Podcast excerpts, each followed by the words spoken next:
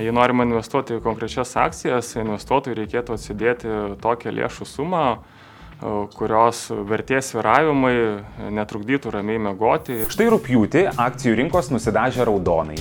Nuo mėnesio pradžios didieji akcijų indeksai prarado nuo 3 iki 5 procentų vertės. Kaip pastebi ekspertai, nors pastaruoju metu kritimas stabilizavosi, rizikos veiksnių galinčių pratesti korekciją išlieka. Prieš kiekvieną investiciją mes turim nuspręsti, kodėl mes tą investiciją atliekam ir kada tie tikslai jau bus pasiekti arba pradinės tezės, dėl kurių investavome, nebegalios. Bet aš tikiu, kad tikrai daugumai pradedančių investuotojų, nu sunku atsiriboti taip visiškai nuo tų e, emocijų ir norisi to pliuso savo e, krepšelėje. Labas, aš esu Justina, Svetbank finansų instituto ekspertė. Ištikimiausia laidos žiūrovai žino, kad savo investiciniam krepšelėje turiu ne vieną investavimo priemonę. Nuo skirtingų tipų fondų iki įmonių akcijų, vyriausybės taupimo lakštų. Šį kartą dar sėk pasižvalgysime po Baltijos šalių biržoje esančias įmonės, prisiminsime, kokiais kriterijais vadovaujantis investuoti akcijų biržose bei kelių įmonių vertybinių popierių pravartu turėti savo investicinėme krepšelėje. Laidos eksperimento dalyje kartu su tautvidu peržvelgsime mano investavimo portfelį, jo vertės pokyčius per visą investavimo laikotarpį. Bet prieš tai pažiūrėkime, kokių vasariškų naujienų nutiko finansų pasaulyje. Svarbiausias žinias pristatys Ignas Krupavičius. Sveiki, aš Ignas Kupavičius. Nepaisant vasaros, finansų pasaulyje netrūksta įvykių ir naujienų. Štai rūpjūtį akcijų rinkos nusidažė raudonai. Nuo mėnesio pradžios didieji akcijų indeksai prarado nuo 3 iki 5 procentų vertės. Kaip pastebi ekspertai, nors pastaruoju metu kritimas stabilizavosi, rizikos veiksnių galinčių pratesti korekciją išlieka. Tuo metu svarbiausios gyventojams ir verslams 6 mėnesių Euribor palūkanos išlieka stabilios ir laikosi ties beveik 4 procentų riba. Vienas svarbiausių šio mėnesio įvykių, su kuriuo galima sieti ir neapibrieštumo padidėjimą, prieš kelias dienas pasibaigęs Centrinių bankų vadovų simpozijumas Jackson Hole. Paprastai čia visi laukia Junktinių Amerikos valstijų Centrinio banko vadovo pasisakymo. Pavyzdžiui, pernai po Amerikos federalinio atsargų banko pirmininko Jeromo Powello kalbos prasidėjo kelis mėnesius trukusi korekcija. Jos metu akcijų rinkos krito nuo 10 iki 20 procentų. Šiemet tikimybė sulaukti tokios dramatiškos rinkų reakcijos mažesnė. Tačiau Pauelo griežtas tonas, pantrinantis kitus aukšto rango atstovus, ramybės tikrai net neš. Tad rūpjūtį prasidėjusi korekcija gali tęstis ir rugsėjį. Makroekonominiai duomenys ir ilgalaikių paskolų palūkanos toliau neleidžia galvoti, kad centriniai bankai Amerikoje ir Europoje artimiausių metų pradės reikšmingai švelninti monetarinę politiką. Labai tikėtina, kad pasiekėme arba bent jau esame labai arti bazinių palūkanų normų piko. Tačiau analitikai įsitikinę, kad jų mažėjimo artimiausių metų laukti neverta. Natūralu, Natūralu, kad šie faktoriai lemia nervingumą finansų rinkose. Investuotojai nori išgirsti, jog palūkanų didėjimas lieka praeitie, tačiau nei ekonominiai duomenys, nei centriniai bankai šio noro nepalaiko. Galime pasidžiaugti, kad Baltijos šalių rinkose neapibrieštumo mažiau. Baltijos biržos akcijų indeksas OMX Baltic Benchmark per rūpjūtį krito tik maždaug 1 procentų. Kol kas paskelbti vietinių įmonių veiklos rezultatai yra geri ir atitinka investuotojų lūkesčius. Štai pavyzdžiui, praėjusią savaitę savo pusmečio veiklos veiklos rezultatus paskelbė Ignitis grupė. Rezultatai buvo geri. Įmonė augino gryną į pelną, mažino skolą, dvigubai padidino investicijas. Net 71 procentas jų yra nukreipta į Lietuvą. Nors bendrovės akcijų kaina į puikius rezultatus nesureagavo, ilgalaikius investuotojus stipri įmonės veikla turėtų džiuginti. Rūpiučio 22 dieną baigėsi vyriausybės taupimo lakšto emisijos platinimas. Paaiškėjo, kad gyventojai įsigijo lakštų už 65 milijonus ir 700 tūkstančių eurų. Iš viso buvo sudaryta daugiau nei 4 tūkstančiai sandorių. Dažniausiai investuotų sumų dydžiai sviruoja nuo 1000 iki 20 tūkstančių eurų. Už šiuos lakštus po vienerių metų gyventojams bus sumokėta 3,7 procentų metinių palūkanų. Beje, rugsėjo pradžioje bus platinama ir antroji vyriausybės vyriausybės taupimo lakštą emisiją. Kokios bus palūkanos, paaiškės jau netrukus. Energetikos ir žaliavų rinkoje pokyčių nėra. Nafta kainuoja maždaug 80 JAV dolerių už barelį, o elektra ir dujos Europoje išlieka saliginai pigios. Tiek šį kartą, iki. Ačiū Ignui ir Tautvidui Marčiulaičiui, kuris mums kas kart atrenka svarbiausias naujienas iš finansų pasaulio. Na dabar jis draugė su Svetbank atstovu Donatu Šetiku atsakys į klausimus apie investavimą į akcijas bei kodėl svarbu diversifikuoti savo jau turimą investicinį portfelį.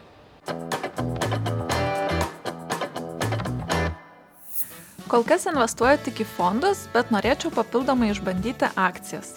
Ką patartumėte pradedančiajam? Jei norime investuoti į konkrečias akcijas, investuotojui reikėtų atsidėti tokią lėšų sumą, kurios vertės viravimai netrukdytų ramiai mėgoti ir nesukeltų nereikalingų emocijų.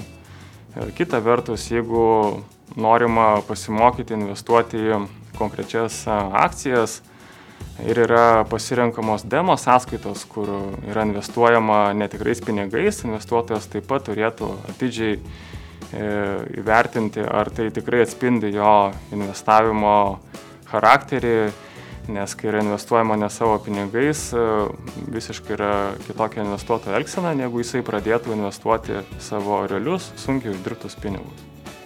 Kaip ir kada verta parduoti akcijas? Priklausomai nuo tikslų, kuriuos turėjote išsikelti investuodami. Prieš kiekvieną investiciją mes turim nuspręsti, kodėl mes tą investiciją atliekam ir kada tie tikslai jau bus pasiekti arba pradinės tezės, dėl kurių investavome, nebegalios. Ir būtent tuomet ir reikia parduoti. Nebent žinoma atsitinka kažkoks force majoras ir tuomet esame priversti parduoti, bet vidutiniu atveju, kada parduosime, turime žinoti prieš investuodami. Kas svarbiau renkantis akcijas? Įmonių veiklos sektorius ar tai, kokiose šalyse ir regionuose jos veikia. Jeigu investuotojas dar tik dairosi pirmų investicijų, jam būtų paprasčiau pradėti nuo tinkamo regiono, kuris dažniausiai būna patrauklesnis namuose. Tai jeigu mes kalbam apie Lietuvą ar Baltijos šalis, tikrai yra paprasčiau čia susirasti įmonės, kurios yra patrauklios investavimui, yra lengviau suprasti, kokią veiklą jos vykdo ir kokiu rezultatu galima tikėtis. Taip pat yra aiškiau investuoti į tokias išsivyščiusias rinkas kaip Junktinės Amerikos valstijos, Vakarų Europą, nes yra aišku, ko galima laukti, ar tai yra brandžios bendrovės, kurios mokės dividendus, ar įmonės deklaruoja augimo tikslus. Tad pradėti yra svarbu nuo regiono, tada galima dairytis į konkrečius sektorius. Kokias akcijas rinktis, jei noriu investuoti ir pamiršti? Neturiu noro ir laiko sekti naujienų, įmonių rezultatų ir panašiai. Tuomet geriausia investuoti tiesiog į fondus, nes fondas bus iš daugybės akcijų sudarytas investicinis krepšelis, kuris reprezentuos rinką. Tuomet jau tikrai nereikia sukti galvos apie rezultatus, naujienas ir kitus dalykus, o galėsite investuoti ir pamiršti. Noriu į akcijas investuoti periodiškai, kas mėnesį skirsiu po 100 eurų. Ar kas kartą ieškoti naujos įmonės. Tokiu atveju investuotojui reikėtų siekti, siekti balanso tarp to, kiek įmonių jis investuoja, e, kad e, būtų diversifikuotas portfelis ir taip sumažinama rizika, bei kiek įmonių jisai gali stebėti, sekti jų e, rezultatus ir finansinės ataskaitas. Įvairiais tyrimais manoma, kad 10 ar 30 akcijų yra pakankamas kiekis diversifikuoti savo portfelį bet turbūt sutiksime, kad e, statistiniam investuotojui būtų sudėtinga sekti 30 įmonių rezultatus, ta pravartu būtų pradėti tiesiog nuo 10 įmonių. Į ką svarbu atkreipti dėmesį, kad atėjus laikui deklaruoti pajamas, būtų kiek įmanoma paprasčiau deklaruoti savo investicijas. Reikėtų deklaruoti tik realizuotą pelną arba gautus dividendus. Tai dažniausiai, jeigu prekiavam per vietinį tarpininką, visa ta informacija jau bus pateikta mokesčių inspekcijai ir didelių problemų nekils. Jeigu investuosim per užsienio tarpininkus, gali reikėti pačiam pasiskaičiuoti ir atsisiųsti deklaraciją iš tarpininko, kurioje būtų nurodyta, kiek jūs uždirbote per tą periodą, kiek realizavote, kiek gavote dividendų ir tuomet jau su šitu popieriumi keliauti pas VMI ir sakyti, kad va tiek uždirbau, tiek noriu deklaruoti, nuo to noriu sumokėti mokesčius.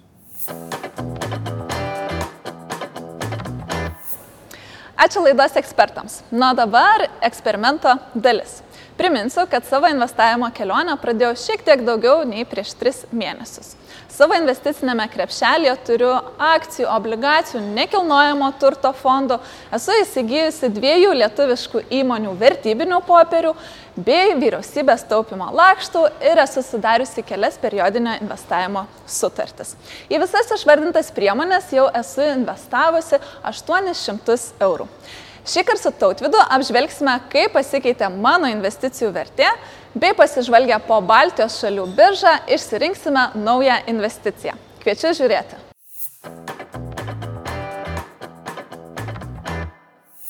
Labas tautvidai. Labas.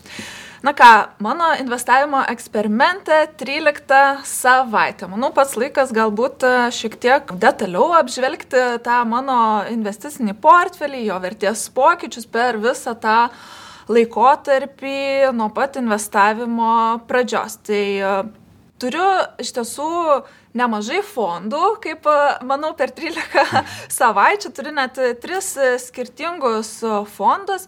Iš tiesų, fondų rezultatai šiek tiek tokie yra na, pakritę, sakykime, nežinau, ar tai yra normalu apskritai visuose fonduose, ar čia mano išsirinkti fondai susiduria su kažkokiais, nežinau, neutralumu, ar galbūt mini krizėmis.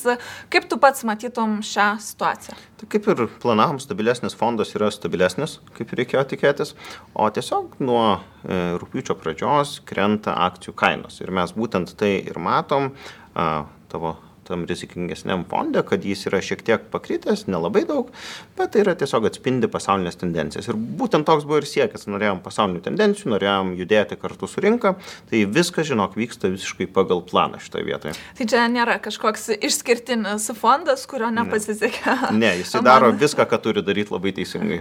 Iš tiesų, praeitą kartą e, įdomią padarėm investiciją į nekilnojamo turto fondą ir tu minėjai, kad tai gali būti puikia alternatyva tam fiziniam nekilnojamam turtui, e, kad nereikia tokių ir didelių investicijų vienu kartu, bet vis tiek e, kaip ir tam sektoriuje yra investuojama. Iš tiesų, nekilnojamas turtas lietuvių yra tikrai pamėgtas e, kaip investavimo priemonė ir aš taip dar galvojau, kad iš tiesų investuoti į auksą arba į kitus tauriuosius metalus, man atrodo, lietuviai irgi visai mėgsta ir Ar yra tokių vat, alternatyvų, kaip pavyzdžiui fondas ar kitokių priemonių, kur irgi galima investuoti į tą patį auksą, pavyzdžiui? Tikrai yra, bet jie dažniausiai yra susijęs su išvestinėmis priemonėmis ir jie yra su paslėptais mokesčiais, sakykime, nes jeigu, tarkim, laiko fizinį auksą, tai turi mokėti už tai, nes tai brangiai tikrai kainuoja, kad tu ypač didelius kiekius aukso galėtum laikyti. Tad ir auksas nėra dar brangus, sakykim taip. Tu gali auksą nusipirkti ir už 100 eurų, ir už 500 eurų, ir už daugiau, tai yra tavo pasirinkimas. Ir dažniausiai jau labiau patyrę investuotojai renkasi fizinį auksą, jis nesusiduria su tomis pačiomis problemomis kaip nekilnojamas turtas, kur tu turi šimtus tūkstančių turėti, kad vieną objektą mhm. įsigytum. Tarkim, Lietuvos bankas leidžia kolekcinės monetas ir bendrai yra tikrai labai didelė rinka to fizinio aukso, dėl būtų protingiau turbūt pasidomėti ir investuoti ne per kažkokį fondą, kuris gali būti labai brangus mokestinė prasme, o nusipirkti kažkokį vat, fizinį aukso vienetą ir jį turėti, saugoti ir džiaugtis. Mano investiciniam krepšelėje taip pat yra ir dviejų lietuviškų įmonių akcijos. Tai Ignitas grupės ir Auga uh, Group. Uh, Tikrai atsimenu, sakėjai ir minėjai, kad Ignitis tokia stabili uh, įmonė, kur turbūt kažkokių labai didelių pokyčių neverta tikėtis, kas realiai ir pasimato, atsivaizduoja uh, mano investiciniam krepšelėje, o mane kaip visiškai pradedančią investuotoją iš tiesų labai džiugina auga grup akcijų vertė, nes jinai tikrai tokia kyla ir duoda tą tokį teigiamą rezultatą. Aišku, čia jau, na, žaidžia mano e, emocijos, bet aš tikiu, kad tikrai daugumai pradedančių investuotojų, na, sunku atsiriboti taip visiškai nuo tų emocijų ir norisi to pliuso savo krepšelėje. Tai net, nežinau, kažkaip man norisi į, įvesti galbūt šiek tiek dar ir ir balanso į, į savo krepšelį, nes turiu tris fondus ir dviejų įmonių akcijas. Tai kadangi mes šiandien dar šiek tiek e, žvalgomės e, daugiau po Baltijos šalių biržą, Gal tu turi kokių nors rekomendacijų, į ką galėtume atkreipti dėmesį, kažkokias kitas galbūt įmonės, ne tik auga ar, ar ignitis. Iš tiesų, aš taip galvau apie kelionių sektorių, nes po pandemijos jisai atrodo tikrai atsigauna, žmonės važiuoja, keliauja, atostogauja, tikrai atrodo negaili savo poilsiui pinigų man taip iš pirmo žvilgsnio atrodytų visai galbūt e, geras sektorius. Kaip tu matytum? Tikrai gali būti įdomus, mes čia aišku vis dar laukiam kažkokios krizės benutinkančios, kad visi nebeturės tų pinigų ir nebegalės keliauti, bet kol kas a, viskas yra gerai. Tai būtų turbūt šitas sektorius toks šiek tiek rizikingesnis būtent ta prasme, kad jeigu ateis ekonominis kažkoks sulėtėjimas rimtesnis, tada sektoriui bus nelabai gerai. Bet kaip tu sakai, jau pandemija praėjo ir tikrai jau išgyventi patys blogiausi laikai. Manau, ypač turint galvoje tavo investavimo horizontą, galima dalį pinigų būtų skirti ir į šį sektorių ir pažiūrėti, kaip seksis ir vėlgi tai bus tiesiog toks ir edukacinis dalykas, kur e, tas cikliškumas geriau pasijaus ilgojo laikotarpiu ir galėsi pamatyti ir po metų ar dviejų atgal grįžti ir pagalvoti, ar tikrai šita tezė buvo gera, ar jinai nebuvo gera. E, na, tai aš manau tą riziką ir, ir, ir prisijimsiu mhm. ir tiesiog e, galim pasižiūrėti, kokios, e, kokios šios sektoriaus e, įmonės yra Baltijos šalių biržoje. Tai turbūt Novatūras yra tas. Vienintelis ir be konkurencijos, ar ne šioje biržoje? Bent jau pagrindinis tai tikrai. Tai čia yra e, toksai žinomas visiems vardas, daug kas juo naudojasi, e, daug metų veikiant įmonė, tai aš manau, kad turbūt e, vietinėje rinkoje tai yra toks e, rimčiausias pasirinkimas. Tvarkoj, tai radau Novatūrą sąraše. E, kaip visuomet, ganėtinai paprastas e, investavimo e, procesas. Kadangi aš kiekvieną kartą investuoju apie 100 eurų, aš manau šį kartą viso 100 eurų vien tik tai į šį sektorių nenorėčiau. nenorėčiau išleisti, nes kaip ir minėjai, gali būti ir tam tikrų rizikų, tai manau padalinsiu šios dienos investicijas ir tuomet gal kokia 15. 15 vienetų, taip turėtų gautis apie pusę šiandienos sumos. Mhm. Taip ir vėl pažiūrim rinkos gilį, kad matytumėm, kokios yra kainos, tai vad parduoda po 3,31, tai aš manau, kad galim patiek ir nupirkti, nes tikrai nėra didelio skirtumo tarp pirkimo ir pardavimo kainų ir mhm. čia neprižvėjosim. Kaip visuomet perskaitom, suprantam ir sutinkam su visa pateikta informacija. Taip, ribinė kaina, kiekis, sandorio mokestis nulis, puiku. Taip, tai panašu Taip. jau tapai akcininkė Novatūro. Taip, jau kelionių sektorius irgi yra mano investavimo krepšelėje. Na ir kaip ir minėjau, tai turbūt uh, Šį kartą šiek tiek emocijomis pasivadovausiu, bet turbūt šiuo, e, šiuo konkrečiu atveju tai nebus labai blogai, nes norėsiu dar investuoti papildomai į auga e, grup, nes jinai rodo teigiamus e, rezultatus. Kaip tu manai, šitoje vietoje gerai tom emocijom šiek tiek pasikliauti? Kaip kada, kaip kada, kaip kada būna, bet kai pradedi investuoti ir nori pajusti ir išmokti, tai yra tikrai vienas iš tų būdų, kaip tai galima padaryti. Ir niekada nežinosi, ar tai bus gera investicija, nes kai kurios investicijos tiesiog auga, auga, auga, auga, auga ir kartais atrodo, jau nebeturi aukti, nebėra kur, bet jos toliau auga. O kitos kaip tik atrodo yra labai idealios investicijos, bet jų kaina niekur nejuda arba krenta. Tad čia tikrai neatspėsi, bet įmonė yra pakankamai stabili, gera, su jie kažkokių problemų šiuo metu nėra, sektorius yra teisingas, ir tikrai potencialo augimui yra, tai nemanau, kad tai bus kažkoks labai blogas veiksmas. Jis aišku yra rizikingas, nes kaip ir auga, taip gali ir nukristi. Be abejo. Bet e, įvertinus viską, ką ir tu pasakėti, tai manau, puikus pasirinkimas. Tai vardant edukacinių tikslų ir šio e, eksperimento taip ir padarysim. Tai čia gaunasi mums jau kiekis, kadangi pigesnės šios yra akcijos negu Novaturo, tai jeigu teisingai suskaičiuoju, bus 125 maždaug, kad gautųsi. Taip, po 393 galim 3, nupirkti. 3, 3, tai vėl skirtumas tarp pirkimo ir pardavimo kainų yra mažas, tai turbūt nežvėjosim, o paimsim, ką siūlo. taip. Taip, patvirtinam ir sandorio apibendrinimas. Na, va, taip ir gavosi maždaug 50 eurų į Novatūrą ir dar papildomų akcijų įsigijau augos. E, iš tiesų, mano uh, investavimo eksperimente aš jau beveik išleidau visus savo suplanuotus uh, pinigus, uh, 1000 eurų. Kai mes susitiksime, iš tiesų padarysiu paskutinę investiciją, pagalvosiu iki to laiko, ką dar norėčiau įsigyti ir kuo papildyti savo investicinį uh, portfelį. Ačiū tau už pasidalinimą savo nuomonę tiek apie auksą, investavimą į auksą, bei dar kartelį peržvelgiam Baltijos šalių biržą. Tai dėkui tau ir iki kitos laidos. Ačiū.